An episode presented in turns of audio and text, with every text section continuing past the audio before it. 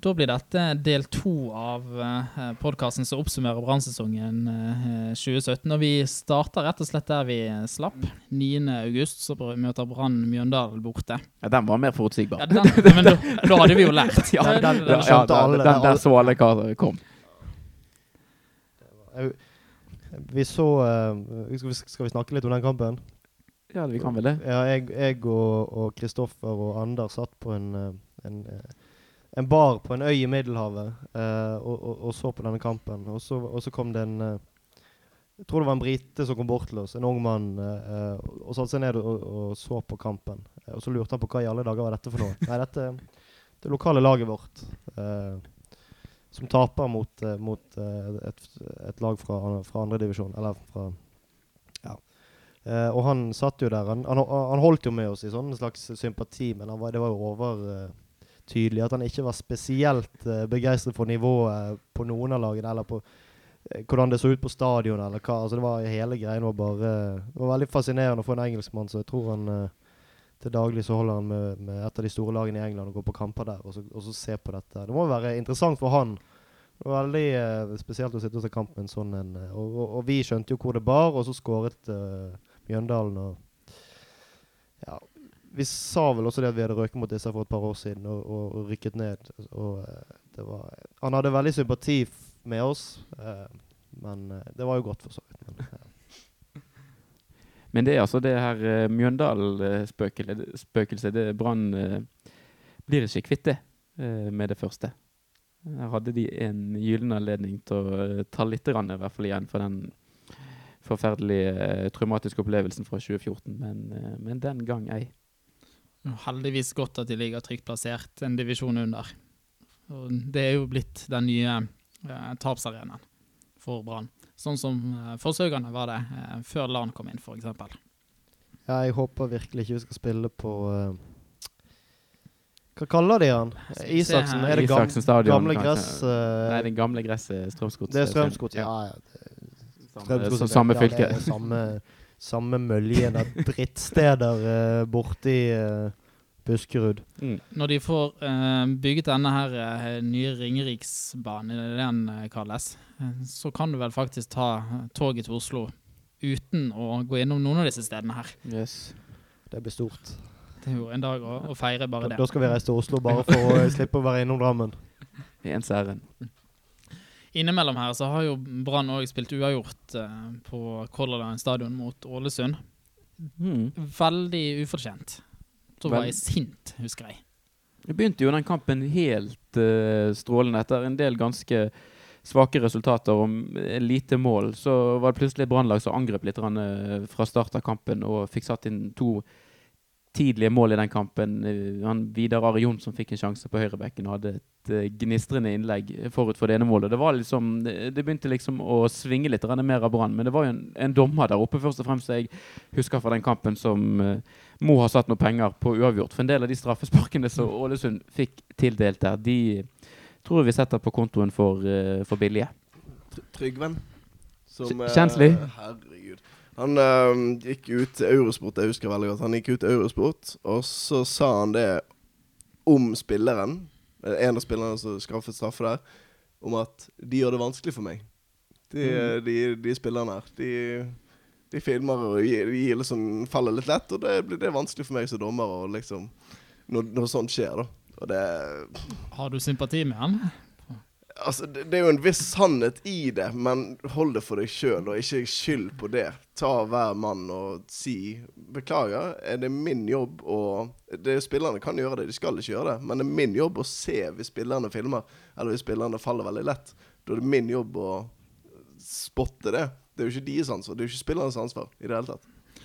Jeg må si det at jeg, jeg pleier ikke å gå helt i, i, bakken av at um, Brann taper en uh, kamp. Men det jeg kan gå rundt og være skikkelig irritert for lenge i ettertid, de kampene når Brann faktisk spiller veldig bra, og så er det mm. rett og slett uh, noe som går imot Brann. Ofte dommeravgjørelser eller noen sånne tilfeldigheter.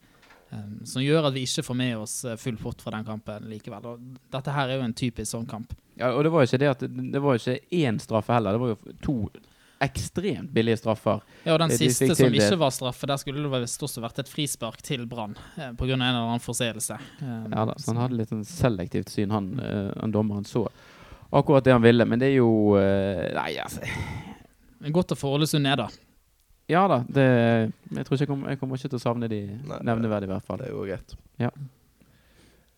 Men uh, det, den, eh, vi var jo fremdeles i Rodos når eh, Brann eh, tok imot Odd hjemme. Ja. det, det husker jeg veldig godt, eh, Chris. For da satt vi på en bar, og så var første runde i Premier League var jeg godt i gang. Ja. Jeg var vel en time inn i eh, første kampen der med United på skjermen og sånt. Og mm, drev og fulgte med på det, og sammen med en haug med andre turister. Eh, Stort sett engelskmenn, vil jeg tippe. Eller i hvert fall eh, hadde et, hadde et godt øye til Manchester United, mange av de som satt der. Og etter en time spilt så spurte vi pent kan vi få Brann Odd på den ene skjermen. Og det ble jo sånn som det ofte blir i, på middelhavsøyer. Det ble en ganske hakkete opplevelse. Uh, og det som skjedde For det var noen som registrerte før dette Før førsteskåringen, var det vel? ja. Ja. Vi levde oss litt inn i kampen, så vi kom jo med litt sånn utbrudd der Ja. resten av puben så på Manchester United, Leicester eller hva det Det var. var innkast i United-kampen, liksom. Så var vi gjerne veldig oppgitt eller veldig oppglødet over Ja. ting. Men Så folk registrerte det. Og så kommer den eh, Det var Gilly som eh, puttet første målet. der. Hvor da bildet fryser For det er, det er en retur der, eller noe sånt som det, som Gilly får på 6-7 meter. Og har en forholdsvis enkel jobb å bare putte den i kassen. Men så er det jo Gilly, og det er det sånn Ja Vi får se, da. vi, vi, vi, vi så vel at han fikk skutt. Ja. Eller, at han skulle akkurat til å skyte. Idet ballen omtrent forlater foten, ja, så fryser bildet. Herlig opplevelse. Vi, vi hadde reist oss, tror jeg. Ja. Og ble sånn stående og hva i alle dager skjer? Og så gikk han i noten til slutt. Det er kanskje en av skåringene jeg husker best fra denne sesongen. Altså, det er jo en opplevelse som prøver å følge Brann på litt hakkete internettforbindelse i eh, utlandet. Mange her var jo med når Brann spilte en kvalifiseringskamp i Europacupen. eh, og fulgte den fra en eh, spansk internettkafé. Der vi altså holdt på å bli kastet ut av uh, lokalet. Eieren hadde gitt ut flere advarsler om at vi måtte roe oss. og var nå på vei bort for oss og kaste oss ut idet vi jublet over en brannskåring. Jeg tror det var han snekkeren fra Island faktisk hadde, hadde puttet eh, der. Men han, eh, han hadde jo stor sympati når han så at det var fotball. eh, Som vi fulgte med på. Da Ja, fikk vi lov til å bråke så mye vi ville. Da måtte disse eldre spanske damene bare tåle at det var litt bråk fra, fra vår side av lokalet. Ja, det, er et, eh, det er jo et ganske universelt eh, språk, fotball. Men ofte når man eh, ser fotball i utlandet, så blir det en del bemerkninger på at det er gjerne folk som er vant til å følge med på spansk og italiensk og engelsk fotball. Der nivået er litt høyere. Så de stusser jo litt på hvorfor man gidder i det hele å sitte og se på dette her bedrøvelige, saktegående greiene. Men nå det er nå en gang vårt lokale lag, så sånn er det nå bare. Ja, vi spør vel oss sjøl det samme spørsmålet innimellom. Det gjør vi. Ganske Ja, men- ofte. Ja, men de, de trengte den eh, 2-0-seieren eh, hjemme mot Odd. Det var jo en, en, en tung tung periode der. Det var jo ikke en kamp der Brann eh, på noen måte eh, var veldig sprudlende og gode. Men de eh, fikk de tre poengene de trengte for å komme litt tilbake inn på sporet. Ja, og det var jo starten på en ganske god Brann-periode. Altså eh, fem seire på rad her. Eh, borte mot eh, Viking, eh, hjemme mot Haugesund. Så er det hjemme mot Sogndal og borte mot Sandefjord. Det er Ja. altså alle Brann-seire der. Mm. Vi spiller oss inn igjen da i, i medaljekampen. Ja, jeg husker, vi skal ta den Vikingkampen først. Eh, der tok jeg båten ned for å se på kamp. Og vi har jo eh, kjent Lars Arne Nilsen etter hvert som en eh, trener som tar en del eh, defensive hensyn eh, når han tar ut laget. Så var en del av oss som stusset litt når vi så angrepsrekken til Brann i den kampen. For der var ikke det snakk om å spare på noen ting som helst. Da var det Vega, Marengo og eh, og Børven, kanskje. Det var sikkert Børven. ja. Børven, så var de, var de tre fremme og klart. Viking var jo et forholdsvis svakt lag, så det var jo sånn sett var det jo rett motstander å kjøre en ganske offensiv eh, oppstilling eh, mot. Men det var jo At han likevel valgte å gjøre det, det, husker det overrasket meg litt. Men han fikk jo betalt for det i form av fire skåringer. David Vega har jo vi vært litt skuffet over. Han, jeg syns han var veldig god med en gang han kom til Brann. Spesielt en fantastisk uh, dødballfot. Så har han dabbet litt av, men derimot uh, borte mot Viking så meldte han jo seg på igjen. Og han syns jeg jo egentlig har holdt ut sesongen også. Har vært en av de positive overraskelsene i høst.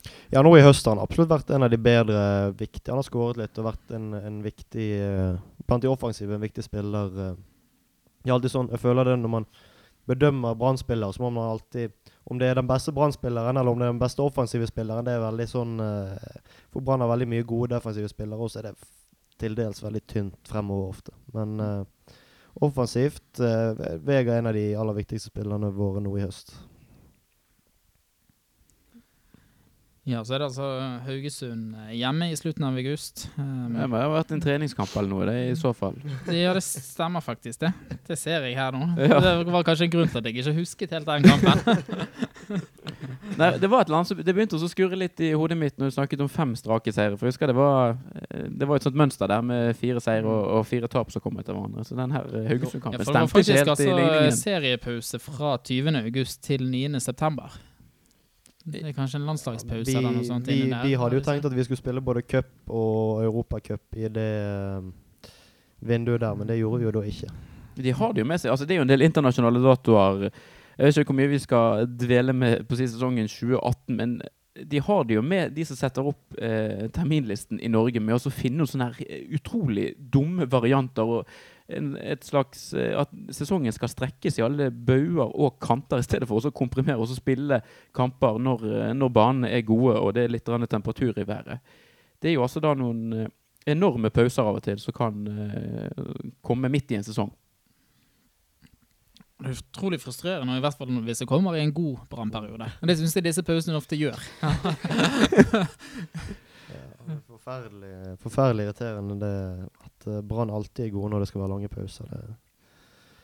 Eh, men ja, hvor tid, hva var neste kamp nå, da? Det var, eh, var Etter det denne gode eh, perioden til, til Brann, så møter vi da eh, Vålerengen borte på den nye Mm, Intility Arena, Ja. kaller de det. mm. Mhm. Det var der, det var ikke en kjeft på stadion, så det ut som på TV. Jeg så den på TV.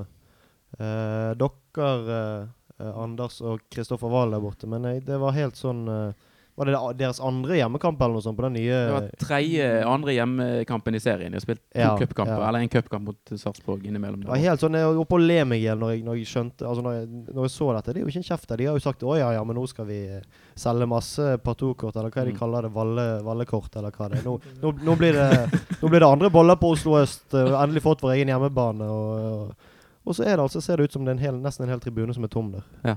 Det eneste stedet det vel var fullt, det var på, øh, var på bortefeltet til Brann. Der måtte de flytte en del folk. Og det var jo ingen andre på den kortsiden der Brann-supporterne sto. Så sto man altså da pakket inn i et hjørne, så da fikk de flyttet uh, en del over. Og, sånn at de fikk øh, Sånn at man ikke sto oppå hverandre. For der tror jeg rett og slett de hadde solgt for mange billetter, eller de hadde bommet For de insisterte fortsatt på å så ikke ta i bruk resten av tribunen hvis Ja, det ikke var solgt en eneste Nei billett da, der. den sto åpen og tom. Det var DJ før kampen eh, for i, i det brannteltet utenfor der, så beklager og kondolerer til alle som uh, hang i det området. Jeg er veldig fornøyd med at jeg ikke reiser over på den eh, kampen her, for dette var vel samme dagen som fellesstarten i sykkel-VM. Jeg husker det som en utrolig flott opplevelse.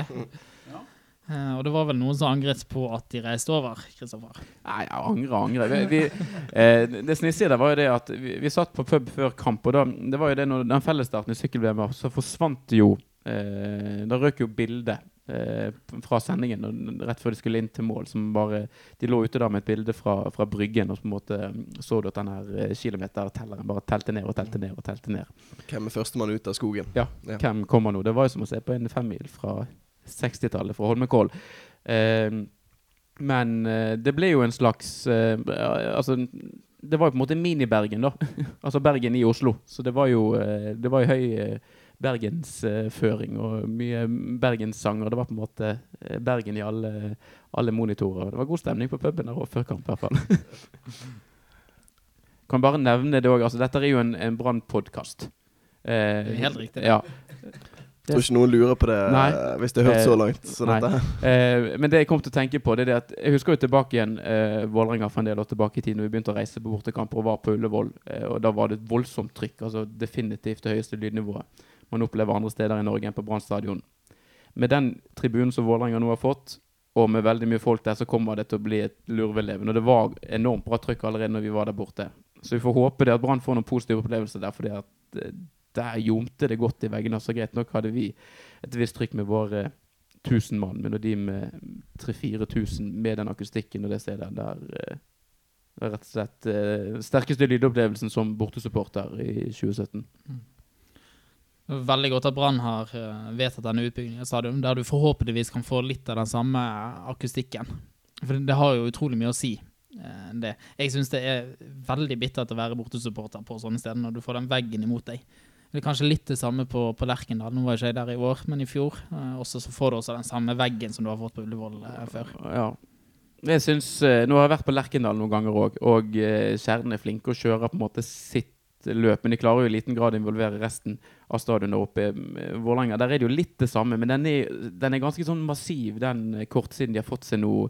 Klan, og Det virker også som de har klart å samle en del av de her grupperingene sine. Og de er mange, og det er god akustikk, og lyden bærer. Så det at uh, der kan det bli noen interessante oppgjør. Så der får man jo bare oppfordre det som kan krype og gå av høyreste det bergenser. Bare kom dere til Oslo når Brann spiller bortekamp mot Vålerenga, for da trenger vi alle vi kan få. Jeg skjønner jo godt at vi tar en sånn kjempedigresjon nå, for vi har jo ikke lyst til å snakke om den neste kampen i det hele tatt. Det skjønner jeg ekstremt godt. For den- Nå har jeg prøvd å prate oss vekk fra den. Ja da. Jeg ble nesten litt overrasket når jeg så han her på eh, resultatlisten til Brann. Jeg har rett og slett fortrengt helt den kampen. Men det er altså hjemmekampen mot Kristiansund. Denne her hørte jeg på radio. Jeg husker det, Dette er en av de kampene jeg husker best fra denne sesongen her, fordi at jeg så han ikke. Jeg hørte den på radio, for jeg skulle på uh, hyttetur med uh, kollegaer på uh, Østlandet. Veldig hyggelig. Så fram til det. Og så bare startet kampen akkurat idet vi gikk av bussen. Så da tok jeg den Jeg tok én øreplugg i øret og mobilen i lommen, og så prøvde jeg å late som at jeg var med i samtalen deres, men jeg hadde Oddgeir Øystese på, på øret og opp på fjellsiden der. Og det tok, det tok en del førsteomgang før vi var kommet fram til hytten. Og da hadde jo jeg allerede mm, bannet og steiket, i hvert fall i hvert fall én gang. Jeg hadde skåret jeg to før, eh, før pause, da. Så det var Skjønte vel ikke hva for vei den kampen der kom til å gå da lagoppstillingen kom, og det verken vel var Vito Wormgård eller Bismar Costa i mitt forsvar til Brann. Det var altså Jonas Grønner og Asa Karadas eh, som var eh, stopperpar i den kampen, og det mm, merket jo tidlig det at det var litt eh, folk som var ute av eh, kamptrening som spilte bak der. For Jonas Grønner, alle de andre kampene der har kommet inn der vi har byttet ut én mann i midtforsvaret, inn med Jonas Grønner, så har det gått Vi har, vi har jo ikke merket forskjell. Sant? Han har spilt like godt som eh, de to førstevalgene våre. Sammen med Asa så var det jo helt katastrofe. Jeg tror begge to gjorde store personlige feil tidlig der, og kampen var helt ødelagt for Brann sin del. Ja, altså, eh, jeg tror lærdommen må være at du kan ikke ha Jonas Grønner som den presumptivt beste midtstopperen. Du må ha han som den nest beste på laget. Eller den eh, Det kan ikke være han som skal ta ansvar, for da vet du at da, kommer han til å eh, dumme seg ut. Og ja, nei, uff, det var, helt, det var helt forferdelig. Heldigvis så, jeg bare 19 minutter av den kampen for jeg måtte gå. eh, jeg måtte gå. Jeg måtte gå. Men uh, det var uh, Jeg husker jeg gikk, jeg måtte på jobb. Jeg tror vi lå under 1-0 når jeg gikk. Og så um, kom jeg på jobb og så gjorde det, det jeg gjorde og så skulle gjøre. Og så setter på kampen på en PC, og så står det 4-0. Bare, hva, hva er dette her for noe? Er det noe, Prøver å skrape vekk om det var noe drit oppi hjørnet der. Om om, om det var eh, så, eh, Om jeg så feil, eller Nei, det var helt, en helt surrealistisk opplevelse. Så skulle altså Brann til eh, Molde for å hevne seg. Um, det Ja. Vi la elleve mann i forsvar, tror jeg, i den eh, kampen. Som eh, i fjor. Eh, Forbløffende likt kampforløp og taktikk og inngang, bortsett fra kanskje Brann hadde, hadde fem mann i forsvarsrekken denne gangen her. Det, i hvert fall, det var alle mann i forsvar, og her skulle det, det safes inn til ett poeng. Og det, som i 2016 så så det jo lenge ut til at Brann skulle klare å, å stå imot. Nå var det ikke sånn at Molde hamret. Brann hadde jo faktisk en, en god sjanse der. Jeg lurer på om de hadde en stangen eller noe. Om det var uh, Vito Wormgård eller Jonas Grød. Ja. Eh, Så de var, jo, eh, de var jo inne på noe en periode der. Men det er jo De fikk jo sånn fortjent til slutt. Ja, ifølge oversikten her så skjedde det altså fem minutter på overtid, så kom målet til Molde. Ja, men jeg bare skyter kjapt inn med det med et, eh, oppstilling og sånt. Fem stykker i forsvarssekken. Altså, Jeg har jo sett så mye Premier League før den kampen her at jeg var sikker på at det var en leken 3-5-2 fra landet, men det var jo virkelig ikke det. Det var jo Det var 5-4-1. Acosta, Acosta Wongo og Grønner eh, sammen i mitt forsvar der, og ja, noen backer. Men eh, ja, det var Men vi hadde jo selvfølgelig fem- genierklært han hvis dette her hadde holdt ut. Klart det. Ja, det var jo noen sekunder ifra, så nok, nok no, noen poeng som røk på overtid, da. Og så, eh, Men jeg, eh, jeg vil jo at Brann skal gå på banen for å vinne. Og så tror jeg òg man skal anerkjenne at Brann i den situasjonen de er av og til må ta litt hensyn. Men jeg håper jo at det er en forbigående eh, periode i klubbens historie. At de selv i eh, bortekamper mot topplag må gå inn eh, til kampen med en sånn innstilling og en sånn holdning at eh, For det, det er altså det er så, så destruktivt og så kjedelig og på en måte så anti så du får det. Så kan, du kan akseptere det for en liten stund, men du kan ikke drive holde på med sånn som det der i ett og to og tre år til. Selv i, i toppkamper mot, eh, mot andre gode lag. Det, det, det fungerer ikke i lengden. Vi var jo litt inne på det her tidligere, at vi spør oss av og til hvorfor, hvorfor gidder vi å, å følge med på dette. Og det er jo det, kanskje spesielt etter sånne kamper at det Mm. spørsmålet kommer. Men vi kjenner jo det som du er inne på, Kristoffer. Vi, vi, vi kjenner jo denne byen og dette laget så godt at dette går ikke så veldig mye lenger. Vi vi, jeg tror ikke en hel full sesong med sånne kamper til kommer til å Da kommer det til å brenne under føttene på uh, minst én mann i sportsklubben. Kanskje to òg. så uh, ja, Vi merker det jo for så vidt nå eh, også at eh, det er mye mer kritikk mot folk i klubben som kommer frem nå. Altså folk er mye Det er mye enklere å kritisere klubben nå enn hva det var for et år siden. Uh, så den, uh, på en måte den uh, det, Den kapitalen de fikk etter opprykket og etter fjorårssesongen, den er, de, er de i ferd med å bruke opp. Og nå er, det, er de nødt til å vise reell fremgang. Både på måten de spiller på og veldig mye annet. For Brann er ikke noe lag som skal drive med destruktiv fotball, og vi er ikke et lag som skal ta til takke med Vi må i hvert fall ha høyere ambisjoner enn midt på tabellen og, og unngå å slippe inn mål-fotball. Jeg tror kanskje det er spesielt for Brann, disse høye kravene som stilles til måten fotball skal, skal spilles på. Brann-supporter har utrolig liten tålmodighet med defensiv, destruktiv, kjedelig fotball. Ja, og, men det, det, jo, det vil jo være Det har jo med selvbildet vårt og selvbildet til, til bergensere og til, til klubben Men sånn vil det jo være med alle de aller fleste store klubber. Fall klubber som ser på seg selv som store eh, og naturlige toppklubber. Eh, det er jo ikke Brann, men det er jo sånn vi ser på oss sjøl. Nå har vi ikke David Vatne til å minne oss på lenger at eh, Brann ikke er et eh, topplag. det er jævlig trist at han ikke er med lenger. Det, er, det blir en, et fattig uh... Tror du han forsvinner helt fra, uh, fra scenen nå bare fordi han ikke jobber i TV 2 Jeg lenger? håper det. Jeg, hå- jeg håper det. Jeg håper vi aldri hører fra David Vatne igjen. Jeg tror det er en eller annen nettavis eller noe som kan risikere å, å slå på tråden til han nå. Eh, Vi skal høre litt om styr og stell i sportsklubben Brann hvis det skulle være noe. Og jeg tror ikke han tar fem øre for oss å eh, si sin mening. Nei, Nei. ehm, men vi snakket jo om at det var, det var kjedelig å se Brann mot Molde, og ikke den måten vi ønsker at Brann skal fremstå på. I neste kamp, hjemme mot Rosenborg, det ble riktignok tap, men der uh, syns jeg Brann gjorde det uh, vi ønsker at de skal gjøre. De angrep med full styrke og, og tok sjanser, og så gikk det ikke bra resultatmessig. Men eh, en, altså, en godt gjennomført kamp av Brann, Altså, det- du kunne var- være stolt av etterpå. Ja, definitivt. Det var en kamp som sto og vippet veldig lenge, og Brann fikk jo en del annulleringer i den kampen. Og det var jo eh, offside og uh, det var vel en hands uh, på Kasper Skåne som ble dømt før en ball som gikk i mål.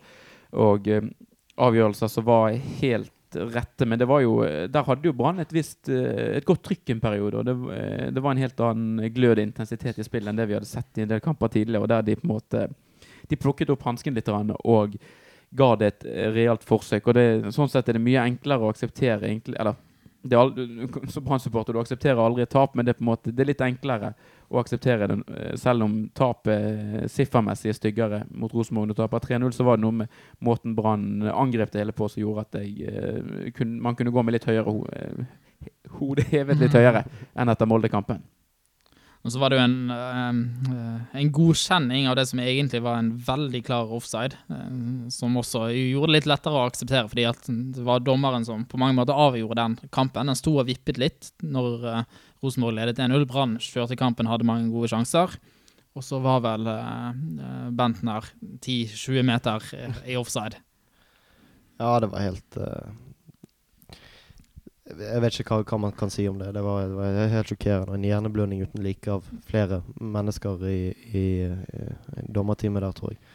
Men nok om det. Eller skal vi snakke noe mer om det? Nei, men det, altså, vi, vi snakket vel litt om det i den uh, podkasten etter den eh, etter den eh, kampen. Og det, eh, det forundrer meg jo fortsatt like mye, nær sagt den dag i dag, at det er ingen av dommerne som klarer å se at de, Altså det som var på en måte eh, avgjørende i, uh, rundt om det var offside eller ikke. Det var jo en ball touchet, det var vel sikkert Helland, for det gikk en pasning fra midtbanen der Bentner ikke var i offside. Og så på en måte ble det en ny eh, sekvens. Men at de da eh, At de, de ikke klarte å ta til uh, fornuften og på en måte få truffet en riktig avgjørelse der, det syns jeg er litt uh, sjokkerende, rett og slett. Og så så jeg eh, eh, til min eh, store glede at Brann ikke fikk bot for å ha vist eh, et eh, godkjent mål i reprise på storskjerm. Men der Ja, ja, Ja. jo, men der eh, faktisk Der drev NFF, flere av NFF sine representanter, både dommeren og dommersjefen med, regelsjefen med regelrett løgn. Ehm, Ja, Det er ikke så bra. Det har ikke vi eh, snakket noen ting om. At Der ble det på en måte Der var det en del som helt sikkert uttalte seg i kampens hete som ikke skulle gjort det. Men det var altså da både Om det var en delegat eller observatør Det var i hvert fall en fra NFF som sa ting som ikke var korrekt i etterkant. Dommeren drev òg og eh, uttalte seg i media om en del uh, forhold knyttet til det med storskjermbruk og en del andre ting som hadde skjedd som ikke stemte. Brann valgte på sin side egentlig eh, den mest uh, sympatiske tilnærmingen med å ikke si noen ting som helst.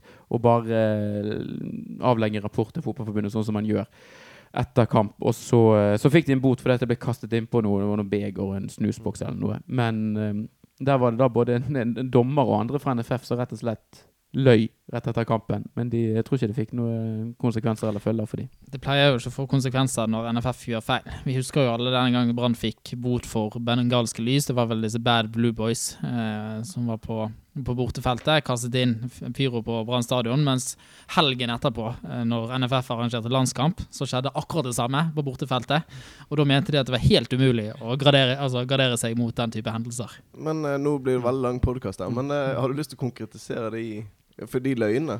Løgne, det, de gikk på en gikk jo på en del sånn eh, konkrete forhold, både på når det ble kastet innpå ting. Okay. Det var vel eh, Hva sa du, Børge? Hvor mye? Hva er det du sa? jeg, tror det, jeg tror det ble påstått at det ble kastet ganske mye mer enn en, en hva som faktisk har kommet frem. Mm. Eh, det var, det var fall en del overdrivelser og en del uh, sånne ting som helt åpenbart var feil, og som, som klubben uh, Sportsklubben Brann valgte å ikke De kommenterte vel kanskje det etter hvert, men, men de holdt seg veldig rolige, og det har kommet frem i etterkant at det var pur løgn og fanteri. Ja, nei, Det som var med disse her uh, blussene uh, som NFF reagerte sånn på, det var det de mente jo da at klubbene måtte ha mye bedre sånn uh, Uh, sikkerhetsoppbud i forkant. Det var jo veldig enkelt å avdekke om folk prøvde å få med seg et bluss. Og så lå på Norge spilte kamp mot Bosnia eller noe, så var det en eller annen protestaksjon på, eh, på bortefeltet der blant de bosniske fansene der de var litt misfornøyde med, med sitt forbund. Uh, men da var unnskyldningen at de puttet jo disse her blussene opp i alle mulige kroppsåpninger. Det var helt umulig å, å finne de da. Så det, det kan jo også tenkes at bosniske fans har en litt annen tilnærming til hvor de, hvor de gjemmer bluss og sånn de prøver å snike det inn. Eller så er det helt likt i Norge og Bosnia. Ja, men dette, Vi hadde jo kroatiske fans da, på, på besøk, så vidt jeg husker. Så Kroater og bosnere gjemmer vel sikkert ting på samme sted, kan jeg tenke meg. Hvis jeg nå husker dette riktig. Ja, nå er det ikke meningen å arrestere, men jeg vil jo tro det var Uefa eventuelt han fikk bot fra hvis det var mot Dinamo Zagreb. I og med at det var en europacupkamp. Men eh, det var en kamp der, en kamp i Norge òg der det ble påpekt at uh, det var for mye bluss inne, og en kamp som ble uh, ja, arrangert, og det var to norske lag involvert. Så det at de mm, Det, det er sånn passelig av og til med NFF hva de på en måte ser gjennom fingrene med, og hva de er veldig med å påpeke overfor andre. Så det, ja. Men nå er det jo ingen grunn til å komme med digresjoner her, for nå Nei. har vi jo en nydelig kamp i, uh, i vente. Neste kamp mot Haugesund borte. Det stemmer. Um, Europahåpet fremdeles i live. Ja, det var jo mange av oss som reiste på den kampen nesten litt motvillig, fordi påmeldingen til turen hadde vært Når Brann egentlig hadde en ganske god periode. Det, er lenge Før før. Rosenborg og Molde og alt dette Ja, her. Ja. fornuftig arrangør eh, av den her eh, bussen ned til Haugesund, skjønte du? Må, må Han har vært med Ja, på en del sesonger. ja. Sett og opplevd litt. Rann. Ja. Jeg vil bare komme med en, eh, noen jeg har muligheten til komme med en unnskyldning til den 50 år gamle mannen som sto bak oss eh, på den kampen her. For når 3-2-skåringen kom, Torgeir Børven, den deiligste headingen jeg har sett på eh, en god stund. Selv om det er en ball som er rett opp i luften, den, den, Mm. den skal han ha, på en måte. Men når den gikk i mål, så For jeg sto bak dere, eller den gjengen vi dro med. Det var jo stort sett oss, var ikke det? Jo. Jo. Uansett. Så hopper jeg liksom opp på dere og klemmer og liksom får ut all den gleden som jeg har i kroppen min på det tidspunktet der. Og så merker jeg litt sånn Det er ikke nok. Jeg, jeg må ha mer. Det, det, dette her, det, dere er fine folk, altså. Det er ikke det. Men det, det var Jeg hadde ikke fått ut den gleden jeg hadde i kroppen min. Så snur jeg meg, og så er det da en 50 år gammel mann, aldri sett før i hele mitt liv. Og han er like glad i ansiktet som det jeg innbiller meg sjøl at jeg er. Og så tar jeg opp hendene, og så tar han opp hendene, og så tar vi en sånn dobbel high five. Som er noe av det rareste jeg har gjort på en tribune på en god stund. Men det føltes veldig, veldig riktig. Tok det med han. Og så var ikke det heller nok. Det var, det, vi var ennå ikke kommet der vi liksom Får ut all den gleden som jeg hadde i kroppen min på det Vi eller du? Ja, jeg, da. Ja, for han Eh, var ferdig. han, han var godt Nei, vet du hva? Jeg, jeg strakk ut hendene rett etter den high fiven. Dobbel high five. Som i 'nå skal vi klemme'. Og han sa ja. Med kroppen sin, riktignok. Han sa ikke ja og sånn, men det er den deiligste klemmen jeg har hatt på så lenge at du, du kan ane ikke. Jeg, men jeg tror jeg tok sånn litt for hardt i. Det var liksom det Litt i overkant er mye klemming der. Men um, Så unnskyld hvis det, hvis det var litt i overkant. Hvis ikke, så kj- kjempefornøyd med klemmen. Ta den gjerne igjen ved en senere anledning eh, Mm. i en lignende situasjon. Ikke på gaten. I, ja, vi kjenner ikke hverandre. Så det jeg har aldri sett det før. Jeg kommer sannsynligvis aldri til å se ham igjen. Det kan jo være han melder seg nå, altså, hvis han hører på Ja, send gjerne inn en melding til eh, Heia Brann. eh, post, post, nei. Men ja. Vi er på Facebook, Facebook og Instagram. På, ja da. Der i, nå, men eh, det var jo eh, utrolig mange ting som skjedde eh, nede i Haugesund. Um, først um, Det hører jo med til historien på det her Børven-målet at det er jo et omtrent eh, årets miss i forkant eh, der. Det var jo en liten ting, så det var jo en guds lykke for han at, eh, at den var like målet på returen der. Og så var Kristoffer Barmen spilte spiss. Og det var det jo en del som hadde fått vite om på forhånd.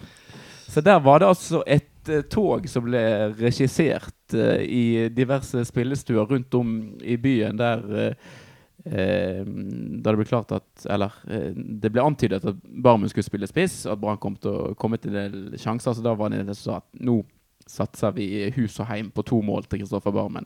Så skårer Kristoffer Barmen ett mål i første omgang, og så skjer det jo noe i andre omgang som bare skjedde én gang. Det gjorde det. Du fikk vel ikke noen flere eh, straffer, over det? Mm, Nei, jeg tror det. Den eneste det var lenge siden sist. Ja, men det var jo da Kristoffer Barmen som tok straffer for Brann sist da de fikk en hel haug med straffer eh, høsten 2015. Og da var det jo en del som omtrent mer eller mindre hadde innkassert. Det var jo en ganske god odds som var satt på dette eh, spillet. Men da eh, tok kapteinen ansvar, eller sneik, eller hva det var han gjorde, Børge. Men han, Ja. han tok over ballen. Ja, jeg tror eh, faktisk eh, Hvis du gikk inn på Twitter den dagen, så på Vestlandet og i Bergen så trendet Vito. Og det var ikke, det var ikke positive tweets om, eh, om vår kaptein. Det var eh, antydet både det ene og det andre om, om eh, Vito Wormgård og, og sto i ledtog med Norsk Tipping for å For å Ja. Eh, Men han satt han. Ja, han satt han. Og vi som eh, ikke setter penger på Brann eller Brannmål, vi kunne juble helt uanfektet. eh, eh, og så lo vi litt, for vi, vi hadde jo hørt om alle menneskene som hadde uh, satt penger på dette. Jeg tror kanskje Anders hadde satt penger på det. uh, men han, han er jo Brann-supporter, så det er jo Han var sikkert glad, han òg. Ja, dette husker jeg faktisk ikke. Jeg tror ikke Jeg tror ikke Veinøys hadde gjort det. Jeg tror det hadde brent seg litt fast, i så fall. Ja. Det kan godt hende. Nei, det var rikelig med andre folk, i hvert fall. Ja. Så, vi, så vi kjenner så hadde Om ikke de hadde satset veldig mye penger, så var det ganske mye penger de ville vunnet. Hvis Kristoffer Baum hadde fått ta den straffen og uh, fått sette den. Men det var Vito Wormgård som uh, viste seg moden for oppgaven. Og uh, satt ball behersket i ene hjørnet, og keeper sprelte i andre. Så da var det 2-2. Fullt kjør på Haugesund stadion. Og Haugesund det blir jo eneste nære bortekamp det er til neste år, etter at både Sogndal og Viking har tatt turen ned. Ja, det er nitrist. Det er Eller det er jo en kjekk tur, men eh, Det er trist at det er den eneste turen. Ja, det er det, og uh, eh, Ja, vi kan jo ikke Vi kan jo ikke be NFF om å tvangs... Du si, det er sånn, sånn som brasiliansk variant, Mm. at uh, en, enkelt lag får bli av, av andre hensyn enn det sportslige, men uh, Jeg tror ikke de gjør sånne prioriteringer for Sogndal, i hvert fall. Nå har vi gravd litt i spillehistorikken til min, eh, til min eh, bettingleverandør, holdt på å si. Eh, her eh, står det altså 100 kroner på at eh, Kristoffer Barmen, eh, Fotball Norge, Eliteserien, skårer to eller flere mål. 22 i odds. Så det er jo en strøken eh, dobbel eh, tussing. Ja. og vel så det, som uh, Den oddsen tror jeg var enda høyere før det, Det ble offentliggjort at Barven Børm, bar, bar, Bar- ja. Barmen heter han, ble skuespillspiss. Barmen Børven. Ja. Eh, det var kanskje noe andre Jeg tror det er Norsk Tipping uh, som Mm. faktisk hadde kjempeodds på det. der Ja. Det at det var de hang ikke Ja, sånn, med i eh, farten, da. Men Uansett. Det, um, hvis Vito Wormgård mot formodning skulle høre dette, så tar jeg gjerne imot uh, en liten Vipps-overføring. Da er nummeret Nei, jeg det. Men eh, ja, for. Nei, men det er trist at vi at. Ja, nei, men at vi, at vi altså, mister disse her Jeg husket jo Du, ikke, nei. tydeligvis. Så det var dere husket det. det. Ja. Sånn er det. Skadefru fru og ja.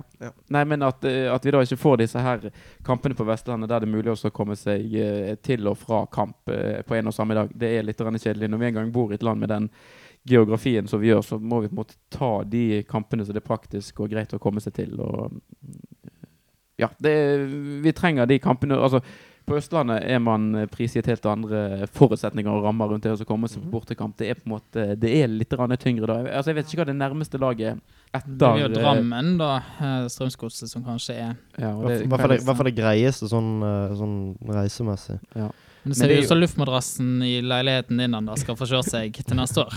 Men det dumme, altså eh, Drammen er jo i og for seg greit, men det er jo en del sånne utfordringer. For jeg husker jeg sjekket på muligheten for å dra på den her Strømsgodset eh, Og så så lenge kampene går på de tidspunktene de gjør, så hvis kampen begynner klokken seks i Drammen, så rekker du ikke siste flyet f.eks. fra Gardermoen til, eh, til Bergen. Til det stemmer ikke eh, togtidene nok. Og da er det et nattog da selvfølgelig som er en mulighet, men det er jo da skal du først sitte og vente en del timer i Drammen, og så er det en litt sånn eh, halvveis tur tilbake, og så skal man kanskje på jobb eller på skole eller et eller annet på mandagen, og så, så begynner du litt skeit. Så det, er det, det er litt vanskelig. Det, så jeg har satt stor pris på både Viking, Sogndal, eh, turene til de kampene de siste årene. Men eh, det jeg håper dette kan bety, er at vi får denne derby uh, Derbylørdagen som, som er nyvinningen. At vi, at vi får noen sånn unntak. At kanskje vi får et par derby-lørdager på Østlandet.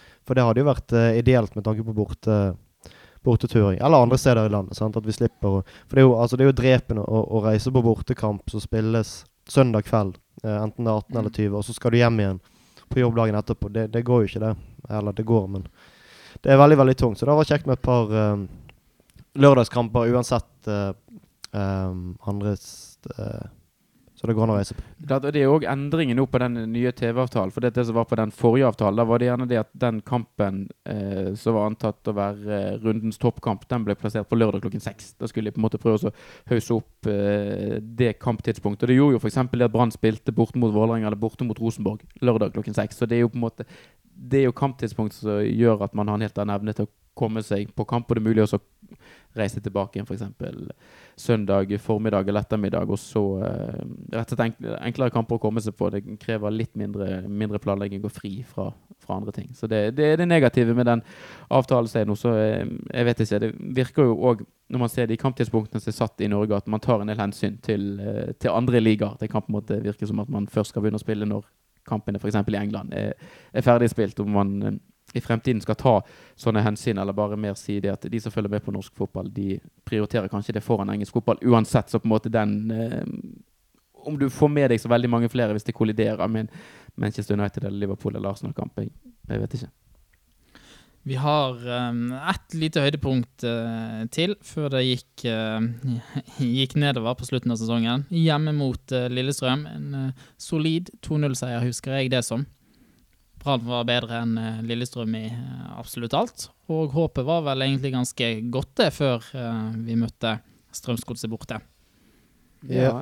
Ja, det er vel Ja, da Vi var vel ikke euforiske, men vi tenkte at dette kan jo gå med en I hvert fall med den fjerdeplassen som ikke holdt, eh, da, men som Eller ikke hadde holdt. Men det var, vi, vi tenkte at uh, til tross for en litt sånn uh, halvveis kjip sesong, så kan det bli noe ut av det til slutt likevel. Ja, det var mye på spill. eh. Altså, de sikret seg i hvert fall en uh, mulighet, Brann, etter den, uh, den hjemmekampen mot uh, Lillestrøm, til å ha litt annet å spille for. Og var mye bedre enn Lillestrøm i den kampen, sånn som du sa, i egentlig alle, alle spillets faser. Det var egentlig det var en trygg og god kamp, og Brann fremsto på en måte som man, man ønsker at de skal gjøre på hjemmebane. Det var kjempeassist fra Haugen, så vidt jeg husker. På den Vega. Vega-skåringen. Ja. Mm. Det, det, var flere, men det var flere ting som har brent seg fast med den kampen. Og blant annet For jeg så den på på min eh, kjellerleilighet i Oslo. For jeg hadde ikke anledning til å være i Bergen. Det var en del blant annet eh, intervjuer og sånt som jeg bet meg merke i, som gjorde at det var sånn ekstra deilig å slå Lillestrøm. Og det var Arne Erlandsen, blant annet, som jeg tror det var i pausen. Så spurte han i det korte intervjuet som de har rett før eh, matchen sparkes i gang igjen. Så sa han at nei, de hopper på dødballer, eventuelt målsjanser. Og det, det er der de ligger, altså. Det er helt, helt svart. Og de brukte Jeg tok tiden nok en gang. Så jeg la merke til at det der kastet brukte de veldig lang tid på. For da hadde Lillestrøm fått et kast, og så skulle de sende opp skip og alle disse her, og så skal de ha han som kaster langt til å ta dette kastet. 57 sekunder tok det fra ballen gikk ut til de var i gang igjen. Nå satt du i gang, Kristoffer. her. Ja, er det noen ting du nei, har nei, nei, nei, nei. Nei da, vi, Må ikke putte penger på meg nå, det er livsfarlig. Det er det å ballhentere, skjønner du. Ja. Vi hopper rett og slett raskt videre. Vi eh, Ja. Bortekamp Men jeg, kan jeg bare få lov til å nevne det? Altså, det er ingen som i sine fulle fem hadde fått lov til å holde på med et vanlig kort kast og så brukt eh, over 50 sekunder. Da hadde kortet vært oppe mye, mye lenger. Så at dommerne tillater det der, det, de må jo få det vekk. Altså, få ballen i spill, for faen. Og Det hadde jo egentlig vært en kjempefordel for Brann òg. Jeg har ikke tall på hvor mange ganger vi har ventet på at Gilly skal komme seg fra andre enden av banen over og ta kastet. Så kaster ikke han langt engang. Men han skal liksom Han får ikke kaste han inn han får ikke han inn til femmeteren engang. Det er jo helt meningsløst. Du må bare slutte med det med en eneste gang. var det han som ble omtalt at han hadde et hemmelig våpen? Det var hatten. Nei, det var, det var Danny Hatteka. Men det det var vel så være hemmelig at vi aldri fikk sett det. han fikk jo aldri sjansen. Nei, Jeg husker eh, langt tilbake når vi prater om det med langkast. Han kjøpte jo Ragnvald Soma fra, fra Bryne for en del år siden, og han var jo også kjent for sånne langkast. Og så var det, det var egentlig ganske sjeldent at Brann benyttet seg av den anledningen. Eh, så, var, så folk gledet seg, liksom, for det var liksom Per Ove Ludvigsen som var forrige langkasteren. Så var det liksom, nå får vi en som kan kaste. Nå skal det bli eh, stor ståhei. Altså liksom når, Jeg tror det var én gang i 2004-sesongen eller noe der Ragnvald Soma eh, tilsynelatende skulle kaste langt. Da på en måte hauset folk det opp og klappet og var liksom giret, og så endte det med et kort kast. Han, alle var liksom inne i feltet, så jeg kastet igjen bare fem meter i stedet for. Så da satt folk seg ned igjen. Da gadd ikke det, da. Ja, og Så er det altså da Strømsgods borte. Eh, hadde Brann vunnet denne kampen der, Ja. så hadde vi hatt god muligheten Eller lå godt an til å ta fjerdeplassen, som vi da håper kunne gi Europacup, Hvis- og hvis- også hengt med i medaljekampen. Hvis vi hadde vunnet, så hadde vi det i egne hender. Vel. Eller husker jeg feil nå? Nei, det tror jeg er riktig. Vi lå bak Strømsgodset Ja. mm, før Ja. den kampen. Ja. Um, så vi burde egentlig vinne eh, Ja. den kampen. Ja, måtte vel egentlig vinne. Og der, og der eh, skårte Markus Pedersen, du, apropos Ja. selvoppfyllende profetier uh, osv. Men, da, du, denne, men denne, var det da han drev og hysjet mot Hadde det vært noe synging mot uh, For da, var- jeg selvfølgelig i Bergen og på Hjerteslag-konsert, og jeg trenger ikke tenke på det. Men eh, det var noe sånn hysjing og sånt mot uh, Brann-supporterne. Men uh, Men det var visst en del av hans vanlige feiringsritual. I tillegg også til at han fikk jo Han har jo fått litt greier kastet etter seg fra Brann-supporterne etter. Markus Pedersen er jo ikke verdens mest oppegående person, verken når det gjelder intellekt eller andre ting. Sånn at han har jo ikke Jeg føler ikke det går an å bli fornærmet av noe sånt. Han har liksom ingen injurierende kraft, denne idioten fra eh, Er det Hamar han er fra, eller noe sånn uh, Innavl eh, kommune borte på Østlandet. Så det, han får nå bare holde på. Han er, han, er, han er sikkert bitter fordi han aldri kommer til å bli så god som han trodde han kom til å bli. Han er jo en av de få Brann-spillerne som ikke helt har blitt tatt inn i varmen. Jeg husker selv når han var her, så var det, vi likte han jo egentlig aldri. Vi har jo evnen til å tilgi enormt mye, egentlig. Bare slette det fra, fra hukommelsen med en gang de signerer for Brann. Men han, han ble liksom aldri en, en skikkelig Brann-spiller. vi, vi tolererte han uh, vel på et vis så lenge han hadde branndrakten på seg, men uh, han var jo Jeg husker når han kom, så så han god ut. Eller så ut som han hadde et nivå inne. fantastisk mål mot Rosenborg. Men han Det var- det var rett ja, før ja, ja, ja. tidlig. ja, ja, ja. Uh, men var det to mål han skåret det halvåret, eller noe sånt? Det var ikke veldig mye, i hvert fall. Nei. Nei. Så det var, hadde han vært god, så hadde det vært greit. Han skåret eh, selvfølgelig mot Strømsgods òg, husker jeg. I den Ja. bortekampen uh, så Brann hadde den. Det var kanskje en av de få gode kampene de spilte i 2014. Uh, så, så litt mål ble det jo på han, men aldri noen, noen stor hit. Det var vel til alles beste egentlig at han eh, forlot klubben. Brann fikk litt penger og slapp å betale lønn til han. var faktisk oppe i syv mål, uh, ifølge Wiki. I hele Brann-perioden sin? Ja. Ja, så da er det med noen Han skåret jo, noen, ja, noen mål i, i 2015 òg. Ja, stemmer selvfølgelig. Borte mot Bærum. Husker du den?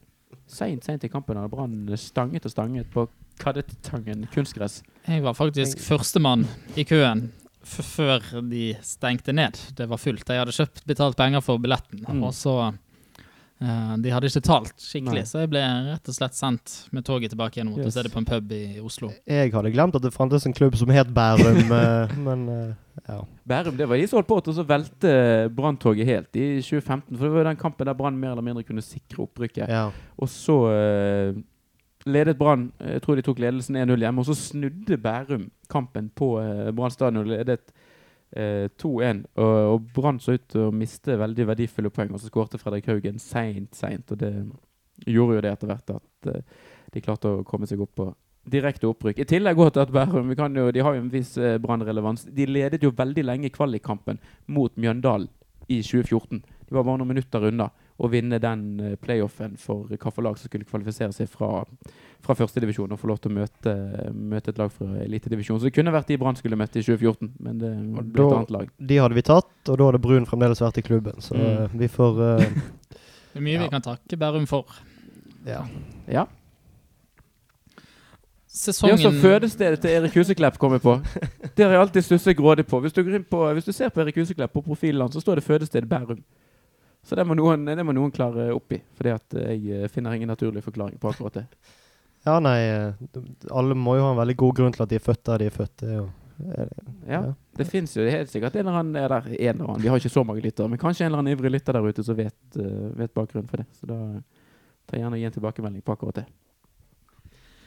Sesongen den ble avsluttet mot samme lag som vi startet serien eh, mot. Tromsø hjemme, uavgjort som i bortekampen denne gangen 2-2. En helt, helt uinteressant eh, kamp. Brann sin plassering var forklart på forhånd. Det ble en femteplass i Eliteserien 2017. Vi har jo vært ganske negative til Peter Åre Larsen, men vi må jo eh, nevne han med litt mer eh, positive ordlag etter den kampen der. For det, det målet han hadde der, det er jo noe av det penere noen Brann-spiller har vist, i hvert fall på denne, tiden, denne siden av eh, 2000-tallet på Brann stadion. For det er ikke det er ikke ofte du ser en Brann-spiller eh, få et innlegg bak seg, og så kaster han eh, foten opp og treffer med hælen, og ball går i mål. Det var en strålende avslutning. og det var kanskje den siste spilleren vi tenkte skulle komme med en sånn, eh, en sånn eh, variant òg. Det er godt at han har hevet seg litt, for det ser jo raskt ut. Så han kan være den vi skal bygge midtbanen rundt eh, i 2017, hvis både Skånes og Haugen forsvinner. Blir det veldig mørkt og deprimerende her, Daniel. Nå må du eh, Må ikke du gjøre alle nedfor. Uh, ja, nei, men jeg, jeg syns det var en, en, en kjekk kamp å se på. Det var sikkert fordi det var null puls og null nerver involvert. Og Brann Det var litt, uh, litt sjanser både her og der. Og uh, det gikk jo Jeg husker jeg hadde Jeg hadde en tippekupong, da. Og jeg hadde HB der, så selvfølgelig ble det U. Men helt, helt kurant avslutning på en, på en litt meningsløs sesong. Eh, Du trillet jo terningkast tidlig i podkasten, Børge. Det ble en svak firer. Er det noen andre som ønsker å trille terningkast? På sesongen må det jo bli en Jeg er ikke uenig i fire, altså.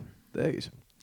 Altså, Sånn Følelsesmessig så nærmer det seg kanskje en eh, treer, men hvis vi ser forutsetningen, hvor Brann har vært um, tidligere Det er ikke lenge siden altså, vi lå og vaset midt på tabellen i førstedivisjon. Så en, en svak firer, og forhåpentligvis eh, starten på, på Brann som toppklubb ved at vi tross alt klarte oss å henge med ganske lenge og, og var i medaljekampen ut sesongen.